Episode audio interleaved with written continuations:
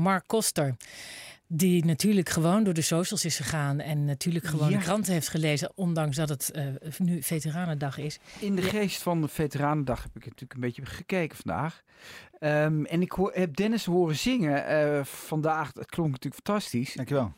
Ehm, ik, mijn eerste vraag was eigenlijk: van, ben jij familie van Marco Kroon? Eh, nee, nee. Ik weet niet of die vraag je natuurlijk al Die krijg ik heel vaak, ja, Ja. ja. ja. En ik ken hem toevallig wel. En, eh, en eh, ik heb ook zelfs eh, ooit met hem samengewerkt in 2004 in Irak. Dus eh, ja, dat is wel, eh, ik ben wel trots dat ik ook kroon heet. Ja, oké. Ja. Nee, ehm, ja, de, de bijeenkomsten vandaag die stonden ook al een beetje in de krant. Ehm, twee mooie verhalen. Eentje in eh, Dagblad Trouw.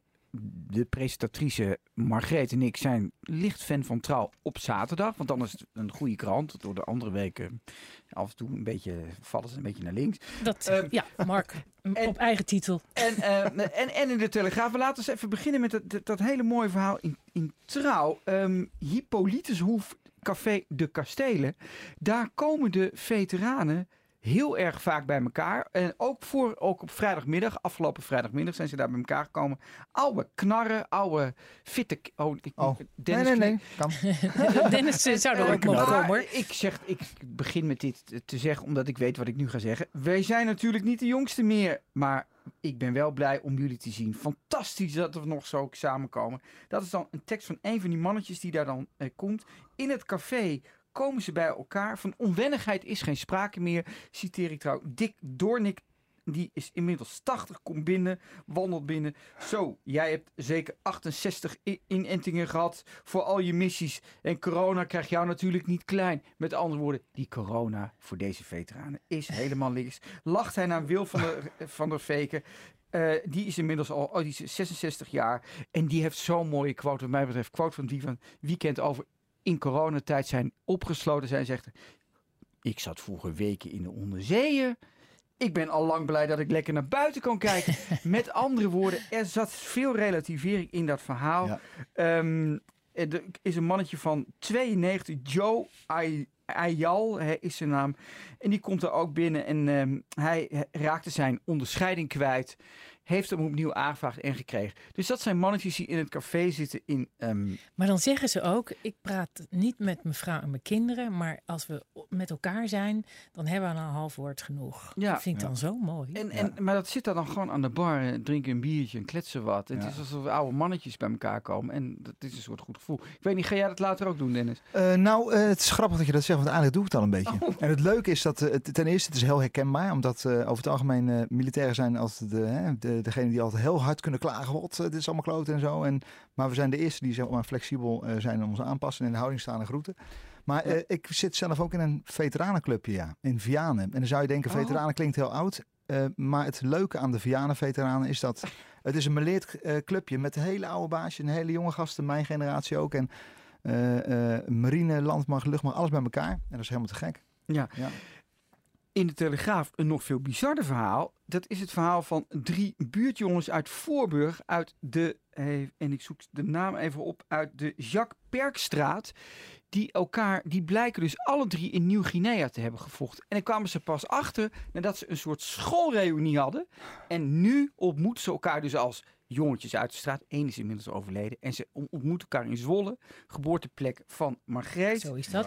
En zij ontmoeten elkaar daar. En dan gaan ze in het café. Hetzelfde wat ik net al een beetje beschreef. Ja, ik kende die cultuur niet. Maar jij beschrijft ook hoe dat dan gaat. Ja. En, eh, we dienden beide in Nieuw-Guinea. het- De twee overgebleven eh, eh, mannetjes. Henk als telegrafist.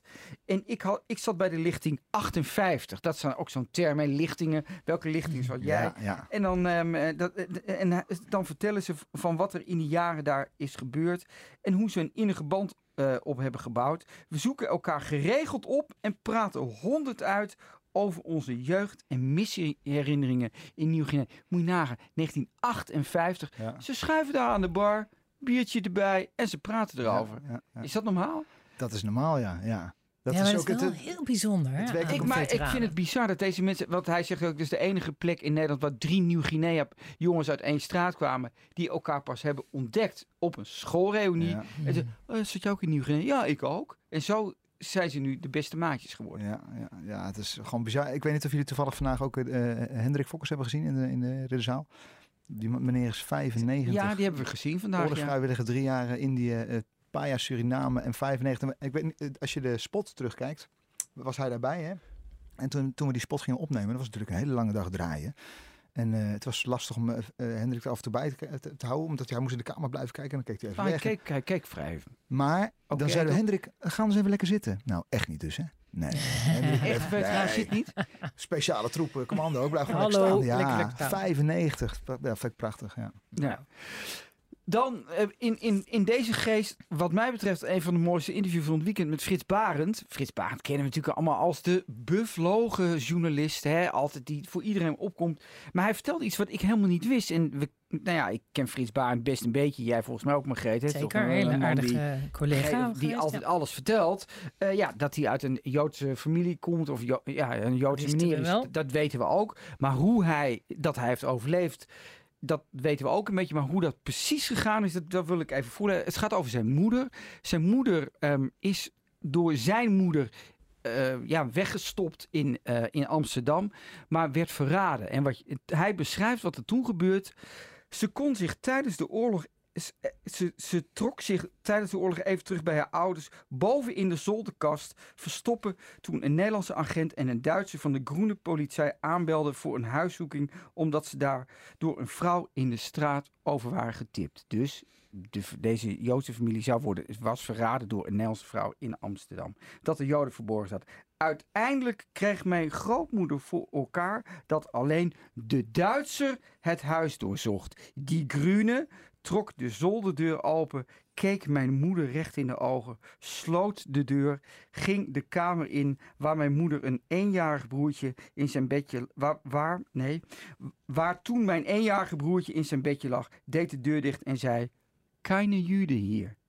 Verraden door een Nederlander, gered door een Duitser. Ja. Wow, wat een mooi verhaal. Ik- wat ik- een mooi verhaal. ik wist dat niet, maar goed, als we nou over... ehm, wat eh, gruwelijk ook, hè? Dat nou. dan kregen mensen geloof ik 7 7 gulden 50 of zo als ze dan iemand gingen verraden. Ja, maar wat, wat, ik wist het helemaal niet. Ik vind het schokkend en ook mooi dat dus die Duitsers dachten, ah, dit, dit- ga ik niet doen. Dit, dit, dit, dit, ik geef gewoon, nee, Ja. niemand gezien hier. En Dat, dat is dan een mensenleven redden. Ja. Terwijl die kloterige Nederlander dan voor een paar rotcenten die eh, de moeder van, of de, de oma Ja. van Frits Barend zo hebben verraden. Dat is, dat is toch verschrikkelijk. Maar wat ook best wel bijzonder is om te weten, is dat als je. Het is nu sinds de laatste jaren, ik weet even niet eh, exact hoe lang, maar is dat de Duitse eh, overheid ook mee denkt, hè, bijvoorbeeld in Frankrijk. En, en eh, dat, je, dat je ziet dat heel veel van die oud-veteranen die toen de tijd vochten, dat de respect over en weer echt mega is gewoon. Weet Oh. je wel? Los van het hele politieke verhaal, wat, weet je wel, dat, maar dat ze best wel respect hebben, dat ze, ook dat ze tegen elkaar hebben gestreden en zo. En dat zie je eigenlijk met heel veel oud, oud-gedienden. eh, weet je, als je kijkt naar Vietnam, zie je oude Amerikaanse militairen die teruggaan en die dan toch een soort van Maar hoe kan dat? Waar Ja, komt dat, dat- er is omdat zij eigenlijk geen hetzelfde- vijandschap. Nee, omdat zij, eh, dat, dat is een beetje moeilijk, moeilijk omschrijving. Nou, maar dat, probeer het eens. ik, ik doe mijn best. ik, ik ben eh, communicatief eh, niet Nou. super. Maar die, de, ehm, tja, waar waren we nou? Is dat, Nou, wat ik zo mooi vond, eerder in de uitzending van WNL op zaterdag was Rob Bouwers. En die zei, de, de commandant der strijdkrachten. En die zei, ja, heel vaak zien we dat de gepeste wordt later de pester. Ja. En dat, hè, dat heb je dus in na Irak ook gezien. Dus eh, slachtoffer en dader, ja. Dat loopt eh, elkaar. Ze, nou, ze snappen elkaar, Ja. laten we dat zeggen. Nou, uiteindelijk, eh, weet je wel, als, als militair moet je natuurlijk, het klinkt heel eh, onderbiedig, maar moet je gewoon dienen. En dat hebben Duitse militairen ook gedaan. En uiteindelijk zit je dus in hetzelfde schuitje eigenlijk. Of je nou in de linker of de rechter loopgraaf loopt. Uiteindelijk hebben ze het allebei Ja, hetzelfde in de meegemaakt. Eerste Wereldoorlog had je wel eens was het kerst. En dan trokken ze even bij elkaar. Gingen ze zingen, ja. gingen ja, ze ja. met elkaar zingen. Nou, hadden ze jou weer uitgenodigd dan. en dan, eh, toch? En dan, en dan eh, Holy night. Precies. Ja, En, dan, en daarna was het weer eh, op elkaar schieten. Eh, Maar, maar goed, Nederland heeft natuurlijk lang een anti-Duits sentiment gehad. Hè? Mijn vader en, en misschien de vader van Margreet ook wel. Mijn vader reed om. Die reed dus niet door Duitsland. Nee. Omdat hij, als hij naar Zwitserland moest, reed hij door Frankrijk. Ja. Zo erg was het. Maar jij hebt dat helemaal niet meer. Eh, nou, ik denk-. Nee, ik bedoel, het is als kind ook wel een beetje eh, ingegaan, hè, de Duitsers. Maar dat was vooral het voetballen natuurlijk, weet je. Dat was gewoon de wedstrijd waar we naar uitkeken. Niet vriendschappelijk, nooit, dat kon niet. Maar dat vind ik wel mooi, dat, dat vijandschap niet eh, de reden is om, om defensie te omarmen. Nee. Maar meer Nee. broederschap. ja, Hè, Als ik dat eh, exact, mag ja. concluderen nadat ik twee uur lang hier mensen van Defensie heb eh, gehad Ja, in de studio.